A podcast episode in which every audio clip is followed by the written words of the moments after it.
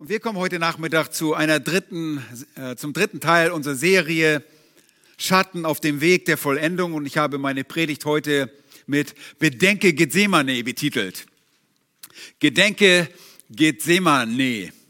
Und als Hinführung nur zum Text erinnern wir uns nur kurz daran, an die intensive Zeit, die Jesus mit seinen Jüngern zum Schluss in dem oberen Saal verbrachte, um mit ihnen das letzte legitime Passamal zu feiern. Und er nutzte die Nacht dieser Feier dazu, um die Elf auf seinen Tod und die Rückkehr zum Vater vorzubereiten. Und er nutzte die Nacht dafür, um dem Passamal einen neuen Sinn beizulegen. Und ihr erinnert, er nutzte auch den Weg zum Garten Gethsemane, um den Jüngern zu zeigen, was mit ihnen passieren würde dass sie nämlich alle versagen würden, dass sie sich zerstreuen würden. Und er gab den Jüngern wirklich eine äußerst wirkungsvolle Anweisung.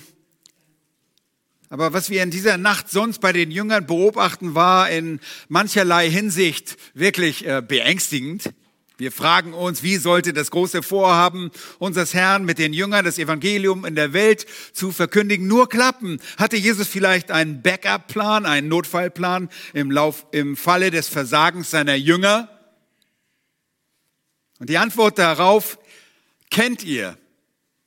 Nicht nur hat er nicht einen äh, Notfallplan, sondern die Jünger versagten tatsächlich. Und eine Art Super-GAU trat ein. In unserem Predigtext von heute wird das Versagen der Jünger ein weiteres Mal sehr, sehr deutlich. Jetzt war Jesus unterwegs auf dem Weg zu dem Ort, den er nach seiner Gewohnheit oft besucht hatte, ein Ort, der nicht wie der obere Saal im Voraus den Jüngern verborgen blieb, bis zum letzten Tag. Nein, jetzt sollte Jesus an einen einsamen Ort kommen, den Jesus während seiner Aufenthalte in Jerusalem und während der Leidenswoche insbesondere aufgesucht hatte, um dort nicht nur zu beten, sondern wahrscheinlich auch sogar dort, um dort zu übernachten, wann auch immer er nicht nach Bethanien zu seinen Freunden ging, um dieses dort zu tun. Und der Ort, an dem er ankommt, ist ein Grundstück, das sich am Ölberg befand, östlich des Tempelberges, ein größeres Grundstück, das wohl einem Besitzer gehörte, der dort wahrscheinlich oder höchstwahrscheinlich auch eine Olivenpresse nutzte, um aus diesen grünlichen Früchten der äh, dort wachsenden Bäume Öl zu produzieren. Es war eine Gartenanlage, die Jesus wohl nach Absprache mit dessen Besitzer gemeinsam mit seinen Jüngern nutzen konnte, um sich zurückzuziehen es ist der Garten Gethsemane. Und der Name Gethsemane bedeutet Ölkelter. Eben aus dem gerade genannten Grund, Olivenbäume standen äh, dort und noch heute stehen sie dort am Fuße des Ölbergs. Das ist der Berg, der seinen Namen aufgrund der Tatsache erhielt, dass dort diese Olivenbäume wuchsen, um aus dessen Früchte das viel angewendete Öl zu gewinnen. Das Ereignis mit Jesus und seinen Jüngern in diesem Garten wird oft sehr, sehr schnell und oberflächlich betrachtet, ohne dass der Betrachter oder Zuhörer eigentlich versteht, worum es hier wirklich geht. Nun, mein Gebet ist, dass sich das heute für uns ändern darf, wenn ihr nicht schon wisst, worauf es ankommt und ihr, ihr mit großer Dankbarkeit Gethsemane in Erinnerung halten dürft. Deshalb gedenke auch du, Gethsemane. Lasst uns den Text lesen. Matthäus 14, Vers 32. Äh, Markus natürlich. Matthäus habe ich schon vorbeigelesen. Ja. Markus 14, 32. Und sie kommen zu einem Grundstück namens Gethsemane. Und er spricht zu seinen Jüngern, setzt euch hier hin, bis ich gebetet habe. Und er nahm Petrus und Jakobus und Johannes mit sich und er fing an zu erschrecken. Und ihm graute sehr. Und er sprach zu ihnen, meine Seele ist tief betrübt bis zum Tod. Bleibt hier und wacht. Und er ging ein wenig weiter warf sich auf die Erde und betete, dass, wenn es möglich wäre, die Stunde an ihm vorübergänge. Und er sprach, aber Vater, alles ist dir möglich. Nimm diesen Kelch von mir, doch nicht, was ich will, sondern was du willst. Und er kommt und findet sie schlafend. Und er spricht zu Petrus, Simon, schläfst du? Konntest du nicht eine Stunde wachen? Wacht und betet, damit ihr nicht in Anfechtung geratet. Der Geist ist willig, aber das Fleisch ist schwach.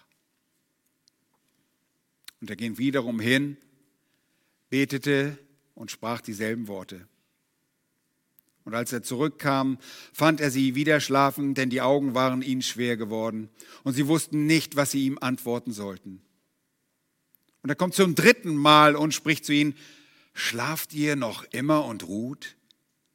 Es ist genug, die Stunde ist gekommen, siehe, der Sohn des Menschen wird in die Hände der Sünder ausgeliefert. Steht auf, lasst uns gehen, siehe, der mich verrät, ist nahe. Soweit der biblische Bericht. Lasst uns noch beten. Geliebter Herr, wir bitten dich, sprich durch dein Wort, du durch dein Wort zu unseren Herzen. Dein Wort ist mächtig und wir bitten, dass du dein Wort in unserem Leben so anwendest, wie du es haben möchtest, wie du es gebrauchen möchtest, zu deiner Verherrlichung, zu unserer Stärkung, zu unserer Ermahnung, wie immer es dir recht ist bete dies um deines Namens willen. Amen. Nun, Jesus kommt also zu diesem Grundstück namens Gethsemane und er bittet die verbleibenden elf Jünger, sich an einer Stelle im Bereich des Gartens zu setzen und er erklärt ihnen die Absicht seines Vorhabens. Er möchte beten.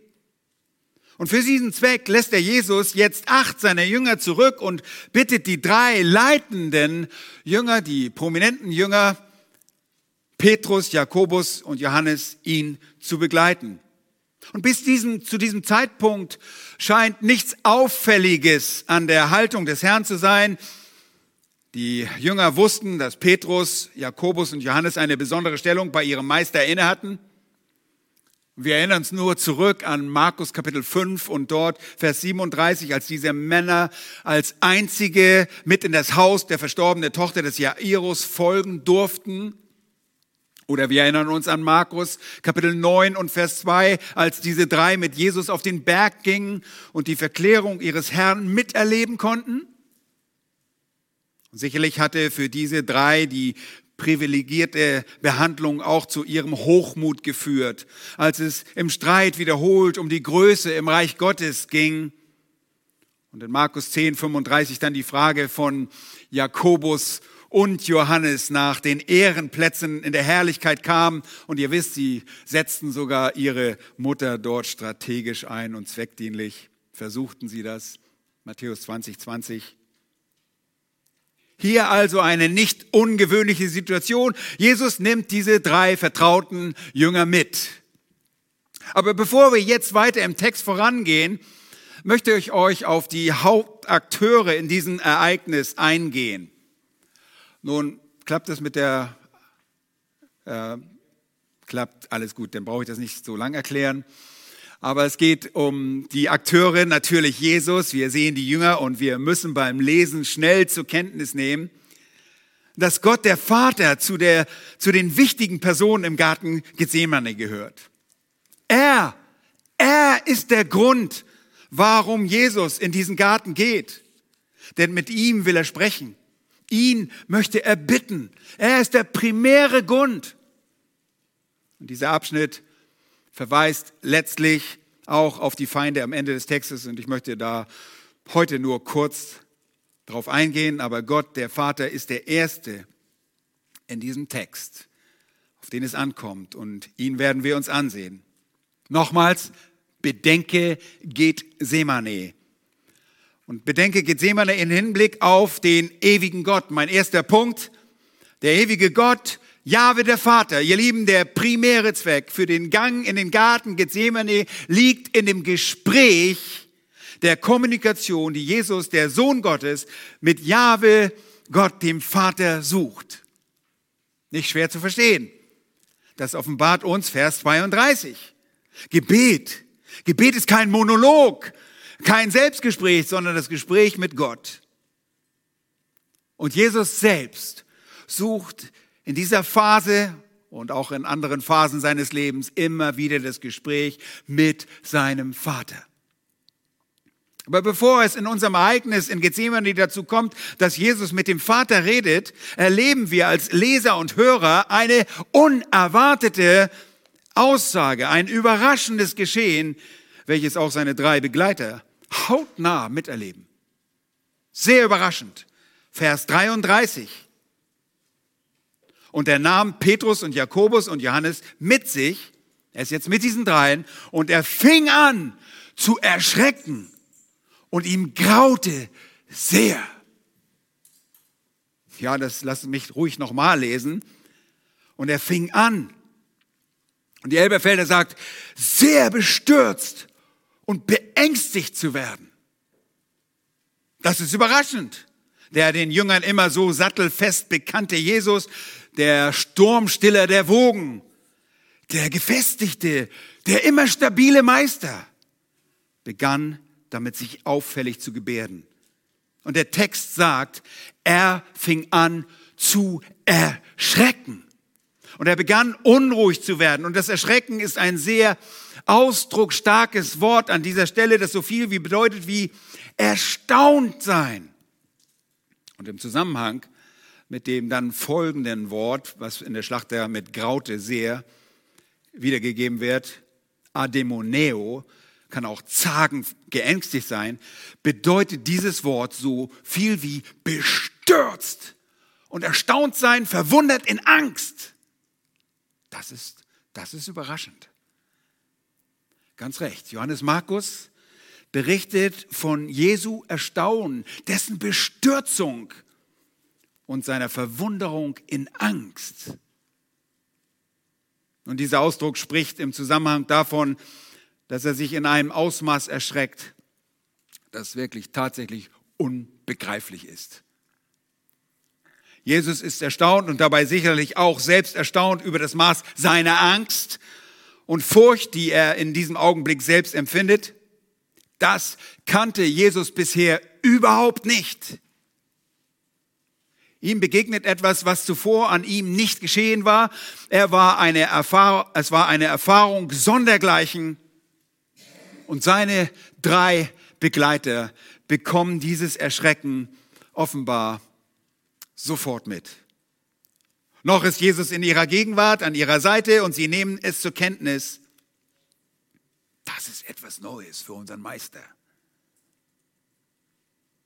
Und auch für uns, genauso wie für den Jünger, für uns als Leser und Hörer, stellt sich uns sofort die Frage, was ist es? Was war es, was ihn so in Bestürzung und Schrecken brachte? Was war die Ursache für seine Ängstigung? Hatte er neue Erkenntnisse erhalten, vielleicht eine uns nicht bekannte Nachricht aus dem Lager der Juden oder der Römer? Eine Nachricht von Dingen, die er zuvor nicht wusste? Nein. Jesus ist allwissend. Und er wusste auch, dass Israel ihn ablehnen würde. Er wusste um seinen Werdegang. Und wenn er etwas nicht wusste, dann weil er in dem Gewand, dem Schleier seiner Menschheit bewusst und freiwillig darauf verzichtete. Aber das war es nicht, was diese Emotionen auslöste. Was war es dann? War es die Abtrünnigkeit von Judas? Oder war es gar die Abtrünnigkeit, die er gerade angesagt hatte, der elf verbleibenden Jünger, der Zerstreuung der verbleibenden Schafe? War es die Ungerechtigkeit der illegalen Prozesse, die später am Morgen stattfinden sollten und um die es schon jetzt, um die er schon jetzt wusste? War es vielleicht seine zu erwartende, lästernde Verspottung, die brutale Behandlung, die auf ihn durch Bespucken und Schlagen und Geißeln wartete? Waren es die Nägel der Kreuzigung? War es sein Sterben, was ihn beängstigte? Was in aller Welt war es, was in ihm diese starken Gefühle der bestürzenden Angst auslösten. Und seine Jünger mussten diese Dinge zu Kontenance genommen haben, aber es kommt nicht zu einem klärenden Gespräch zwischen ihnen. Stattdessen schaut in den Text, drückt ihr Meister das aus, was sie nicht zu glauben wagen. Vers 34. Und er sprach zu ihnen, meine Seele ist tief betrübt bis zum Tod. Ohne eine Rückfrage zu erhalten, teilt Jesus diesen drei Jüngern seinen inneren Gemütszustand mit, sein Aufgewühltsein, sein, sein Durcheinandersein, sein, sein, nicht Durcheinander sein, Bestürztsein, ganz direkt, unverblümt. Und er sagt ihnen mit einem Satz, was in seinem Inneren geschieht. Siehe, meine Seele ist übermäßig sehr traurig, ist das Wort. Oh Lieben, das ist nicht ein gewöhnliches Traurigsein dass du vielleicht deinen Job verloren hast oder eine Klassenarbeit verhauen hast. Nur eine 3 Minus, hat mir heute jemand erzählt, hat nur eine 3 Minus bekommen. Oh ja, das ist schlimm, das ist sehr traurig, aber das ist damit nicht gemeint. Das griechische Wort an dieser Stelle ist Perilupos, zusammengesetzt aus Peri herum und Lupos, diese Traurigkeit. Traurigkeit war in ihm um ihn herum, nur Traurigkeit. Es war nicht irgendwie eine normale Traurigkeit, sondern sie war so heftig, dass sie hätte Jesus an dieser Stelle töten können.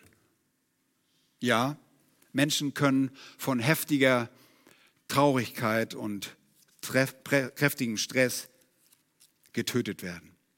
Und er sagt es. Es ist tief betrübt, seht ihr das im Text? Bis zum Tod steht dort.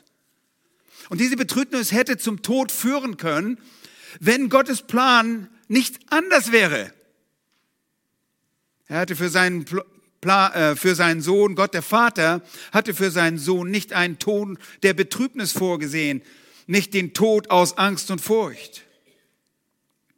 Wir erkennen in diesem Zustand der Betrübnis sein tief erfahrenes Leid, ein Leid der Erwartung auf was kommen würde. Und uns stellt sich immer noch die Frage, was wird denn da kommen? Wenn es nicht die Dinge sind, die du bereits schon aufgezählt hast, was ist es denn? Der Prophet Jesaja zeigt uns bereits mehr als 700 Jahre vor diesen Ereignissen die Antwort zu unserer Frage. Er zeigt, was es war, was Jesus in Schrecken versetzte. Und Jesaja schreibt zunächst einmal in Jesaja 53 und dort Vers 3 zeigt er uns, dass er dieser Mensch der Traurigkeit war, dieser Leiden war, verachtet war und verlassen von den Menschen, ein Mann der Schmerzen und mit Leiden vertraut. Und damit beschreibt Jesaja gleich einmal die Erfahrung von Gethsemane mit Leiden vertraut. Aber zudem fragen wir immer noch, warum er so litt, warum der Staunen, die Bestürzung und die Verängstigung jetzt im Garten Gethsemane. Jesaja löst das Rätsel, wenn wir ein paar Verse weiter lesen und zu Vers 5 kommen, steht dort, die Strafe lag auf ihm. Vers 6, Jahwe warf unser aller Schuld auf ihn. Vers 10. Jahwe gefiel es, ihn zu zerschlagen. Er ließ ihn leiden. In Vers 11 wird der Knecht Jahwes was tun? Viele gerecht machen und ihre Sünden wird ertragen. Nun, die Hinweise, auch im Lichte aller neutestamentlichen Wahrheiten, offenbaren den Grund für das unsagbare Leid und die Schreckenserfahrung unseres Herrn Jesus Christus. Dinge, die ihm jetzt in diesen Momenten, wir kontrollieren das auch selbst oft nicht, wann uns etwas bewusst wird und wann nicht, aber er, es wird in, in diesen Momenten bewusst. Und der Vater sollte seinen Sohn leiden lassen. Das wird ihm bewusst. Und Jesus kommt in diesen Momenten im Garten Gethsemane zu dieser Wahrheit und ist fähig, sie in diesen Momenten zu realisieren. Und er begreift im Lichte der bevorstehenden Ereignisse, dass es der Zorn des Vaters sein würde, der ihn treffen wird. Er begreift Leiden, dass der Zorn auf ihn abzielen wird. Wenn er, der Gerechte, für die Ungerechten sterben sollte. Er, der für ihre Sünden sterben würde, der sie tragen würde. Jesus wird mit der Sünde vertraut, nicht als einer, der die Sünde begeht, sondern als Sündenträger und als stellvertretendes Opfer, als, wie sagten wir heute Morgen, als Sühneopfer haben wir behandelt, zur Genugtuung der Gerechtigkeit Gottes. Und als Sündenträger sollte er den Sohn, sollte als Sohn den Zorn des Vaters erleben. Der Zorn, der die Millionen von Menschen die der Sohn durch seinen Tod erretten würde, hätte gelten müssen, weil wir alle Sünder sind.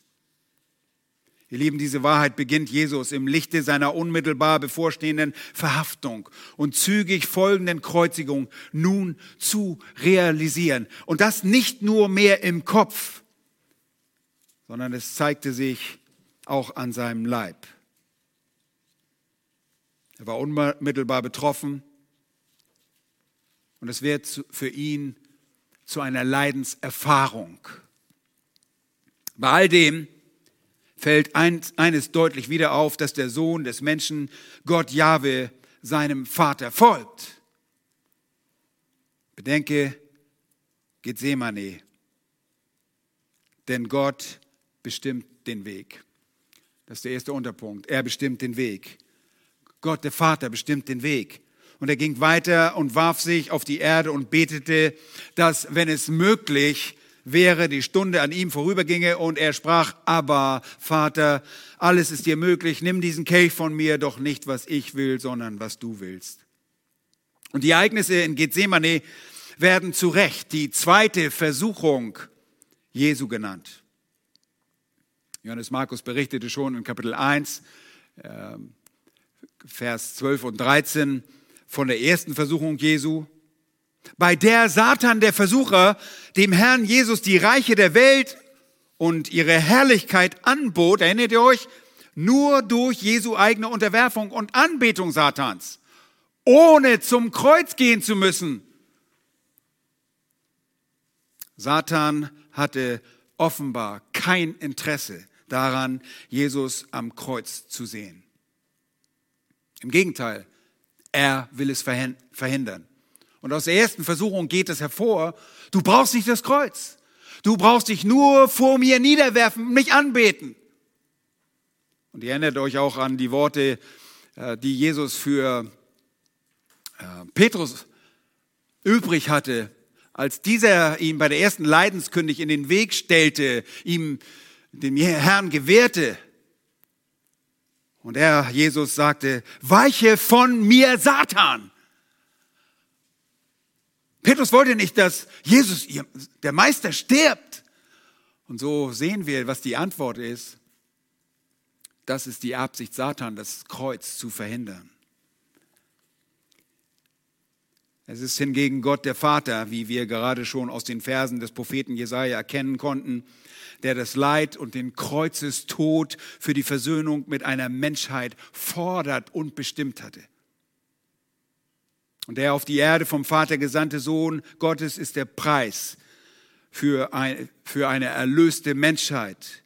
Und das wusste Jesus genau, denn er war Teil des ewigen Ratschlusses, der vor Beginn der vor Grundlegung der Welt gefasst wurde. Jesus lebte stets in der engen Verbundenheit des Vaters. Sein Vater und er waren immer eins. Jetzt in der Erfahrung als Gott Mensch erlebt Jesus etwas nie zuvor erlebtes, etwas nie zuvor geschehenes. Eine Erfahrung, die seine wahre Menschheit hervorhebt. Und er geht deshalb auch zu seinem Vater, dem ewigen Gott, weil er weiß, dass er allein alles zu tun vermag. Er, der ewige Gott und Vater, bestimmte für ihn als Sohn den Weg dieser war auch der Antrieb für sein Handeln und Reden. Jesus ist versucht in dem Schrecken und der Verängstigung des kommenden Zornes. Er ist übermäßig betrübt und hätte an den Folgen dieser Betrübnis sterben können. Die Versuchung wird so deutlich in den Gefühlen des Sohnes, unseres Herrn, und es bestätigt in dessen Worten. Jetzt sehen wir, Jesus entfernt sich von diesen drei Jüngern.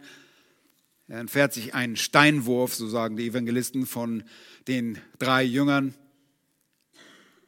Er warf sich auf die Erde, Erde und betete. Was betete er? Vers 35. Er betete das, wenn es möglich wäre, die Stunde an ihm vorüberginge und er sprach, aber Vater, alles ist dir möglich, nimm diesen Kelch von mir.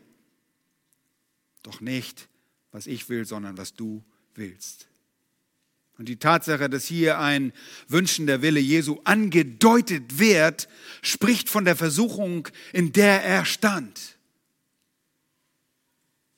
Jesus wurde Mensch und er blieb Gott. Er war der versuchbare Mensch, aber blieb immer der unüberwindbare Sohn Gottes.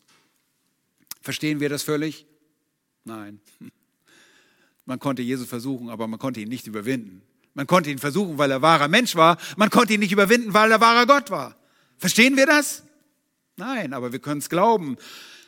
Wir können verstehen, dass Jesus tatsächlich Kämpfe auszustehen hatte, denn er war ganz Mensch und während es das Anliegen Satans war, ihn vom Kreuz abzubringen, sollte er den Weg gehen, den der Vater forderte. Diesen Preis zur Errettung einer erlösten Menschheit. Und der ging nicht an dem Zorn des Vaters vorbei. Wenngleich Jesus keine verderbte Natur hatte wie wir, so ist er mit der Versuchung vertraut. Und der Schreiber des Hebräerbriefes sagt uns davon, er schreibt in Hebräer 4, Vers 15, wir haben nicht einen hohen Priester, der kein Mitleid haben könnte mit unseren Schwachheiten, sondern einen, der in allen versucht worden ist, in ähnlicher Weise wie wir, doch ohne Sünde. Und er spricht von Jesus. Ihr Lieben, dieses Gebet in unserem Text, so beschreibt uns die Schrift, war ein regelrecht geführter Todeskampf. Ein Todeskampf beim Beten. Und wir erkennen bei einem vorsichtigen Studium des Wortes, dass nach Vers 36 in Markus 14 die Liebe und Treue des Vaters zum Ausdruck gebracht wird. Deshalb bedenke Gethsemane, denn die Treue des Vaters stärkt seinen Sohn. Das ist der nächste Punkt. Das T von Gethsemane. Um die Treue des Vaters zu erkennen, müssen wir uns an dem Evangelium und den Evangelisten des Arztes Lukas wenden, der diese Ereignisse genauestens recherchierte und dann aufzeichnete. In Kapitel 22, die Verse 43 und 44 halten wir eine sehr wichtige Information. Dort lesen wir, und zwar jetzt nach diesem Vers 36, können wir das chronologisch einordnen. Da erschien ihm ein Engel vom Himmel und stärkte ihn. Vers 44, und er war in ringenden Kampf und betete inbrünstiger. Sein Schweiß wurde aber wie Blutstropfen, die auf die Erde fielen. Geschwister, Engel sind dienstbare Geister. Und der Schreiber des Hebräerbriefes stellt eine Frage in Hinsicht auf die Engel und deren Antwort war seinen Empfängern wohl bekannt. Er fragt nämlich in Kapitel 1, Vers 14, er fragt, sind sie, die Engel, nicht alle dienstbare Geister ausgesandt zum Dienst um derer willen, welche das Heil erben sollen? Ja, ja, das sind sie. Das wussten die Hebräer. Hier wird ein Engel gesandt, um den Herrn zu stärken und wohl auch zu schützen, damit jener in seiner Ermattung nicht dem Tod erliegen würde. Interessant, oder? Die Menschlichkeit des Herrn Jesus wird deutlich herausgestellt. Auch wieder, wenn wiederum er als wahrer Gott nicht sterben konnte. So führte der Kampf Jesu zu einer körperlichen und uns Menschen vertrauten Schwäche. Und ihr Lieben, das Wort dort im Lukas-Evangelium für Kampf, an dieser Stelle, das dort verwendet wird, in Vers 44, ist das Wort Agonia, von dem wir das Wort Agonie, Todeskampf ableiten. Und es bedeutet so viel mehr, als dass wir es umgangssprachlich, wie wir es umgangssprachlich benutzen. Ursprünglich bedeutet das Wort innere Aufruhr, Besorgnis und es bezeichnet im engsten Sinne die letzte Spannung der Kräfte vor hereinbrechenden Entscheidungen und Katastrophen. Das ist der Gemütszustand, das ist der Zustand unseres Herrn. Jesus stand genau in diesem Todeskampf. Aufgrund des sich nähernden Hereinbrechens der Katastrophe des göttlichen Zorns, der gegen ihn gerichtet werden sollte. Das ist die große Katastrophe, die Jesus auf einmal realisieren konnte und warum er auf einmal bestürzt ist. Oh, andere Menschen haben dem Tod ja, als Helden ins Auge gesehen haben sich nicht gefürchtet.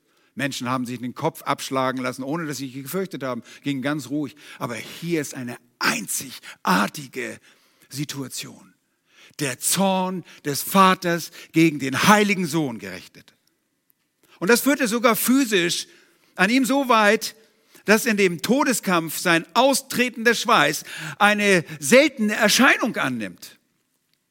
Man spricht von psychosomatischen Wechselwirkungen, aber die Psycho wirkt sich auf den Soma, auf den Leib aus. Sein Schweiß wurde aber wie Blutstropfen, die auf die Erde fielen. Und die beschriebenen Tropfen des blutähnlichen Schweißes haben nichts mit der Fantasterei eines Quacksalbers zu tun. Lukas war ja ein Arzt. Sondern dieser Zustand Jesu beschreibt tatsächlich eine bekannte, gut dokumentierte, wenngleich auch seltene Form einer Chromidrose, die meist eine krankhafte Schweißverfärbung darstellt. Nicht so hier. Im Altgriechischen bedeutet Chroma Farbe und Hydros ist Schweiß. Aber in dem Fall von Jesus war es eine Hemidrose, bei der sich der Schweiß rot färbte. Hema ist Blut. Und zusammen mit Hydros, Drose, ist es eine Hemidrose. Hemidrose ist, dass der Schweiß, ein Schweißgemisch, rot wird. Das ist ein wirklich seltenes Vorkommen, bei der durch übermäßige körperliche Anstrengung oder bei großer Furcht, bei einer Agonie, die Kapillaren eines Menschen, die Haargefäße der Haut, die feinste äh, Verzweigung der Blutgefäße unter der Haut platzen. Das ist tatsächlich so. Und dann über die Schweißdrüsen als ein Gemisch austreten. Ihr Lieben, der Herr erlebte diese Agonie leibhaftig mit diesen Symptomen. Er litt es willig für die unmittelbar durch die Kreuzigung bevorstehende Erlösung. Er erlitt diese Dinge für alle Erlösten.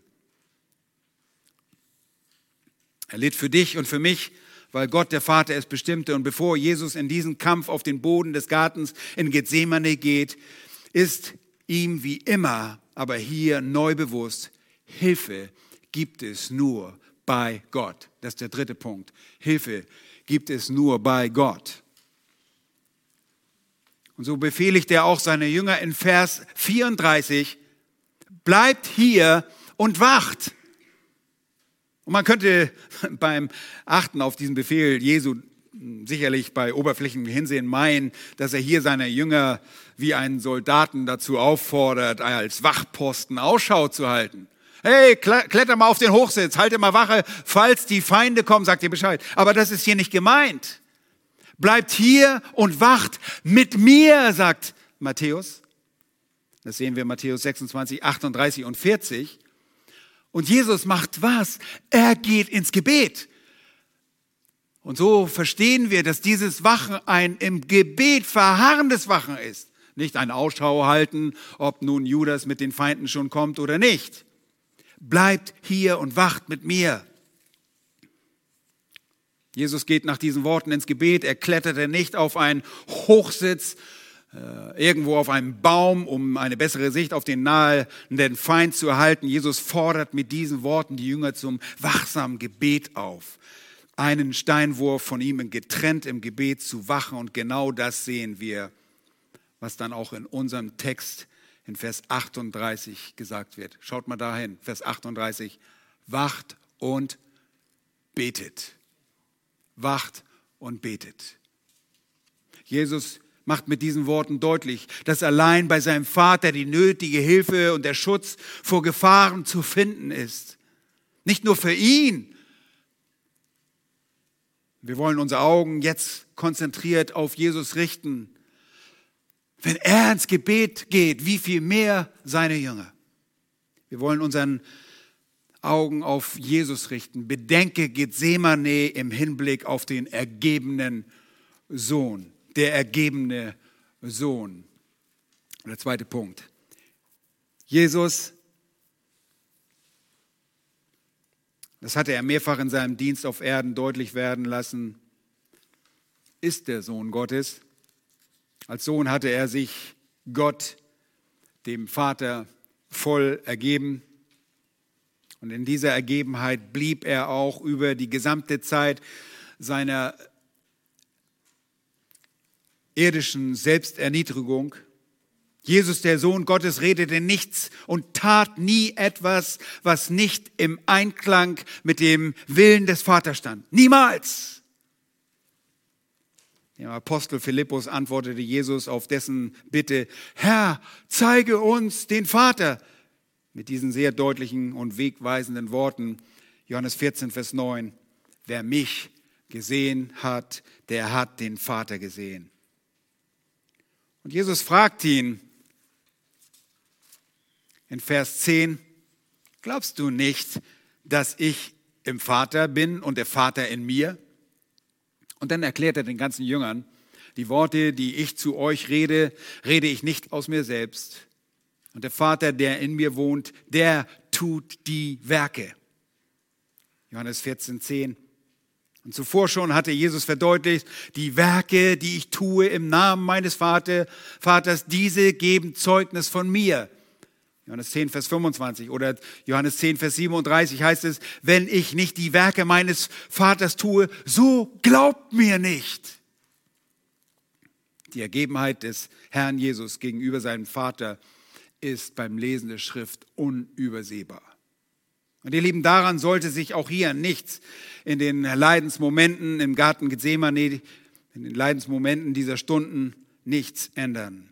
Und auch darüber hinaus würde sich daran nie etwas ändern.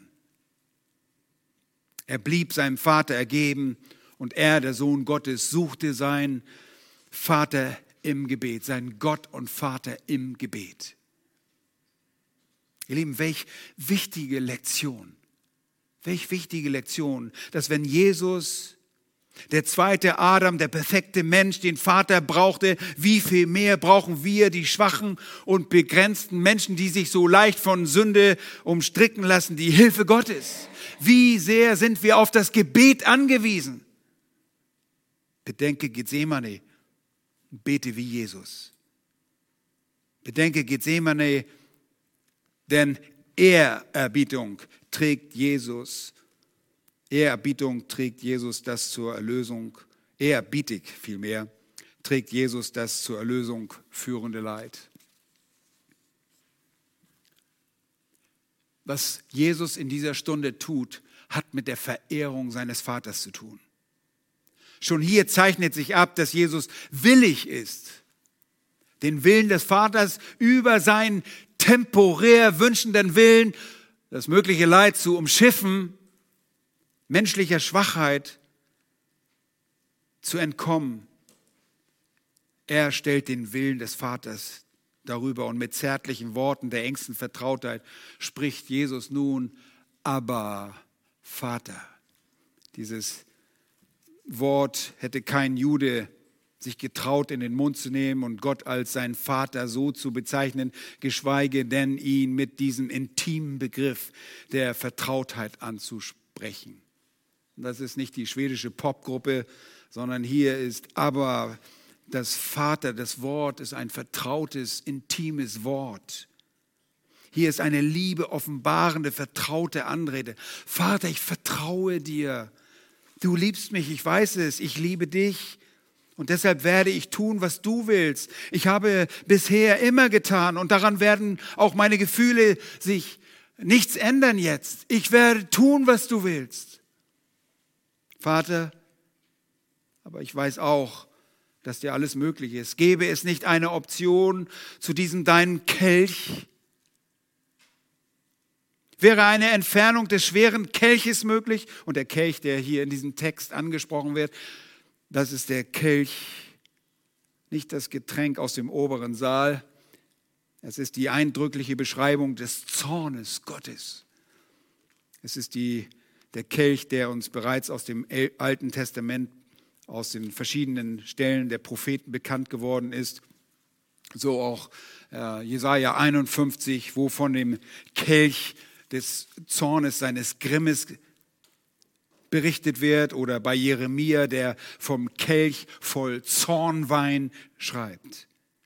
Der Zorn des Vaters ist der Zorn gegen die Sünde, mit der die Menschheit behaftet ist. Und weil Gott der gerechte Gott ist, ist es ein gerechter Zorn, der sich aufgrund Gottes Wesens ergibt, denn er ist gerecht und Zorn wird in ihm hervorgerufen durch die Ungerechtigkeit der Sünde der Menschen. Und nun soll der Zorn den gerechten Sohn treffen, weil er zum Sündenträger der Erlösten werden wird. Und das versteht Jesus nicht nur vom Kopf her, denn das wusste er schon länger, sondern, länger, sondern aus der Erfahrung von Gethsemane. Er realisiert es und so ist er erschüttert. Und deshalb bittet er seinen Vater in der Versuchung stehen, alles ist dir möglich, nimm diesen Kelch von mir, doch nicht, was ich will, sondern was du willst. Und mein Vater, wenn es keinen Ausweg gibt, keine Option zu deinem auf mich gerichteten Zorn, dann muss es so sein, wie es in ist, dann fügt sich mein gewünschender Wille in den deinen ein. Und zwar nahtlos, wie es schon immer geschehen ist. Und wir könnten denken hier, dass Jesus einen ganz eigenen, losgelösten Willen vom Vater hatte. Den hatte er nie. Das drückt die Versuchung aus, in der Jesus jetzt stand. Ihr Lieben, das ist göttliche Ehrerbietung. Geschwister, lasst uns von Jesus in diesen Dingen noch lernen. Wenn wir das Leben annehmen mit dem typischen Leid und dem typischen Schmerz, ganz recht, den wir erfahren, der auch seine Kinder in dieser gefallenen Welt trifft. Und wenn wir Gott dabei nicht aus der Schule laufen, dann ehren wir ihn und sind in der Lage, den Versuchungen in der Kraft des Geistes zur Ehre Gottes zu widerstehen. Lasst uns den Boden seines Willens nie verlassen, egal was der Preis dazu sein wird. Jesus tat es für dich, der du das glaubst. Sollten wir es ihm nicht nachmachen? Denn wir sind durch seine Liebe zur Sohnschaft bestimmt. Lasst uns deshalb so handeln wie der Sohn Gottes und von ihm lernen. Drittens, Bedenke Gethsemane in Blick auf die erwählten Männer. Und ihr habt vielleicht gemerkt, Gethsemane hat ja vier Silben und fängt mit einem G an. Das spricht von Gott, dem Vater. Die zweite Silbe geht Semane, fängt mit einem S an, das ist der Sohn. Und die dritte Silbe fängt mit Gesemane, mit einem M an, das sind die auserwählten Männer die auserwählten Männer. Es ermutigen, dass Jesus seine auserwählten Jünger in diese Phase seines Leidens mit hineinnimmt und einbindet. Er schickt sie nicht weg, er nimmt sie mit und er kehrt inmitten seines schweren Todeskampfes zu ihnen zurück. Die Geschichte ist recht einfach. Jesus geht beten, er kommt zurück und sie schlafen. Er geht ein zweites Mal, er betet und verwendet dieselben Worte und er kämpft im Gebet. Er kommt zurück und sie schlafen. Und das tut er dreimal. Und er ist nicht einzig und allein in diesem Todeskampf auf sein Leid fixiert, sondern behält seine schwachen, schwachen, lernenden Nachfolger im Auge. Er ist nicht zu beschäftigt, um sie zu vergessen. Und er kommt und findet sie schlafend, Vers 37. Sicherlich war das eine weitere Entmutigung für Jesus, auch wenn er um ihr kommendes Verhalten ja wusste. Aber es ist dennoch und gerade deshalb für sie da. Und er spricht zu Petrus, Simon, schläfst du? Konntest du nicht eine Stunde wachen? Und er führt seinen alten Namen an, den Namen, den er vor seiner Berufung als Jünger verwendete, immer ihm, um ihn daran zu erinnern, du bist in diesem Fall nicht gerade ein Fels. Jesus führte keine Stoßgebete, erinnert ihr auch, und ich habe neues Wort gelernt, äh, das sind keine Popcorn-Gebete, habe ich am Freitag gelernt. Er betete intensiv und wir beobachten in Lukas 22, dass er nach seiner Stärkung durch den Vater mittels eines Engels inbrünstiger betete als zuvor. Und die Jünger jedoch versagten auf ganzer Linie. Voll die Penner. Absoluten Penner hat er damit genommen. Und sie schliefen und Jesus adressiert den lautstärksten und prominentesten Jünger, Simon, schläfst du? Was machst du? Nun, er war kein, kein Fels, er war ein Versager auf ganzer Linie, der menschlich dachte und sich selbst falsch einschätzte und der auf eine heftige Art und Weise zu Fall kommen sollte. Und der Fall kam trotz eingehender Warnung des Herrn Jesus und das trotz, dass Jesus sogar für seine Jünger betete. Erinnert ihr das? Johannes 17, er betete für seine Jünger, dass ihr Glauben nicht aufhören würde. Und das tat er nicht. Aber er fiel. Und wie wir schon gesehen haben, sollten sich seine Schafe alle zerstreuen aber jetzt ignorieren die Jünger auch die Aufforderung, die ihnen zum Besten hätte dienen sollen. Wacht und betet, damit ihr nicht in Versuchung kommt. Der Geist ist willig, aber das Fleisch ist schwach. Und Jesus zeigt, dass sie alle was waren? Anfällig. Anfällig trotz willigen Geistes. Das ist ersichtlich. Oh, sie waren nicht unwillig. Es ist nicht so, dass seine handerlesenen Jünger nicht auf Jesus hören wollten. Oh nein, sie waren ihnen bis zu diesem Punkt willig gefolgt. Sie waren in ihrem menschlichen Geist willig, aber das Fleisch, die gefallene Natur des sündigen Menschen übermannte sie. Schon vor der kommenden Versuchung, der ernsten Herausforderung der kommenden Stunde, die für sie die Lebensprüfung schlechthin war, Sie versagen einfach nur wach zu bleiben. Und offenbar war ihnen nur eines klar geworden. Der Herr leidet und irgendwas, irgendwas schwebt da in der Luft. Das ist nicht normal, wie der sich auf einmal fürchtet, wie er Schrecken hat und das uns gegenüber ausdrückt. Das ist nicht unser normaler Herr. Irgendwie konnten sie das wahrscheinlich nicht einordnen. Und einer von ihnen war jetzt nicht mehr bei ihnen. Er sollte sie ihn verraten. Aber was das jetzt genau für sie bedeutete, das löste bei ihnen nur eines aus, und zwar Traurigkeit. Woher habe ich das? Lukas berichtet. Und als er vom Gebet aufstand und zu seinen Jüngern kam, fand er sie schlafen und der Arzt berichtet vor Traurigkeit. Lukas 22, 45. Sie waren entgeistert. Ihre Hoffnungen schienen sich zu zerschlagen. Es gab keine soforte, äh, sofortige Glorie in dem um die Ecke liegenden Reiche ihres Meisters auf den Ehrenplätzen des Königs. Die verschwanden vor ihren Augen. Stattdessen beherrscht sie Traurigkeit, die sie mit einem Schlaf übermannt. Und ihr Lieben, Traurigkeit wird hier mit dem Schlaf kompensiert. Und man kann so traurig sein, dass man in einen Schlaf flüchtet. Ich weiß nicht, wenn man niedergeschlagen ist, gibt es Menschen, die lange, sehr lange schlafen.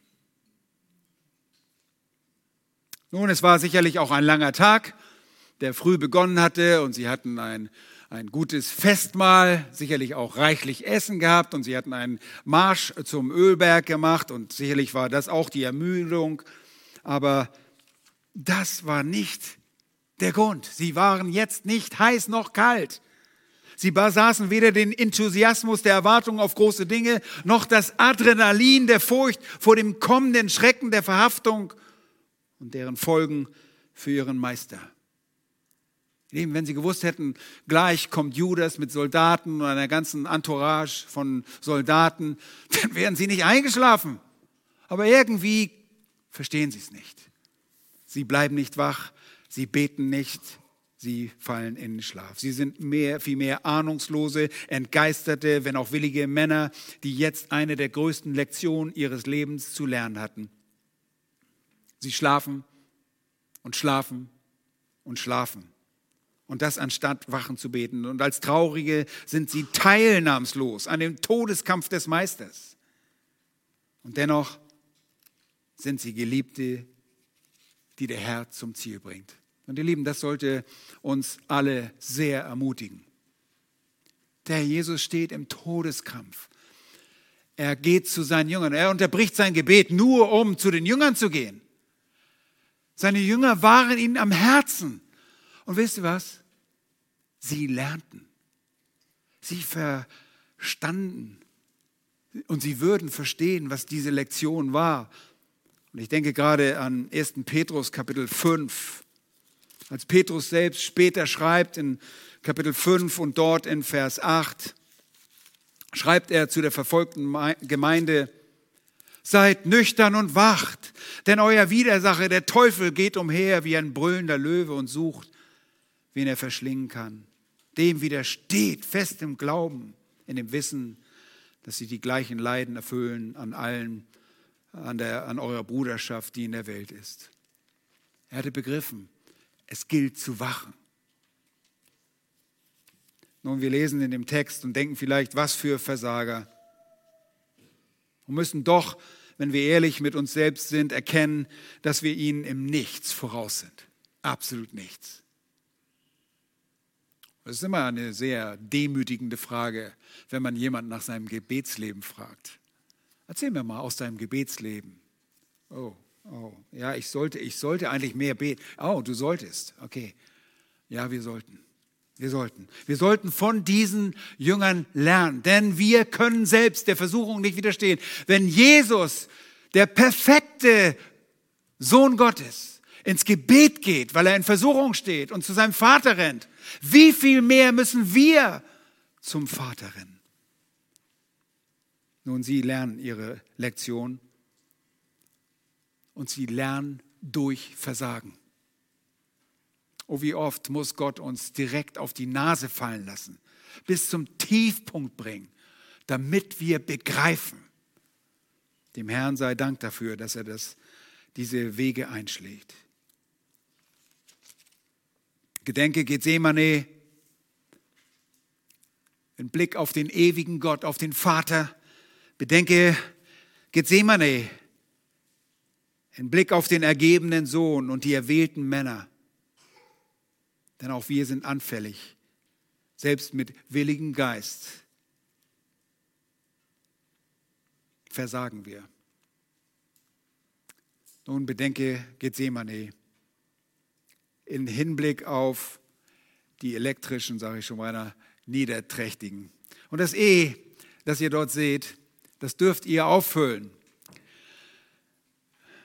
Das sind die ehrsüchtigen Niederträchtigen. Sie suchen ihre Ehe. Sie sind nicht ehrerbietig wie der Sohn. Sie sind eklig. Und Mann, ich würde sogar, wenn man Ärger mit E schreiben würde, ich würde ich da Ärger einsetzen. Die ärgerlichen Niederträchtigen. Nein, das ist mit E. Die egoistischen, die ekligen Niederträchtigen. Das sind die Feinde, die Sünder, die jetzt kommen sollen. Und unser Text spricht davon, dass sie im Begriff sind zu kommen und wir werden darauf noch näher eingehen.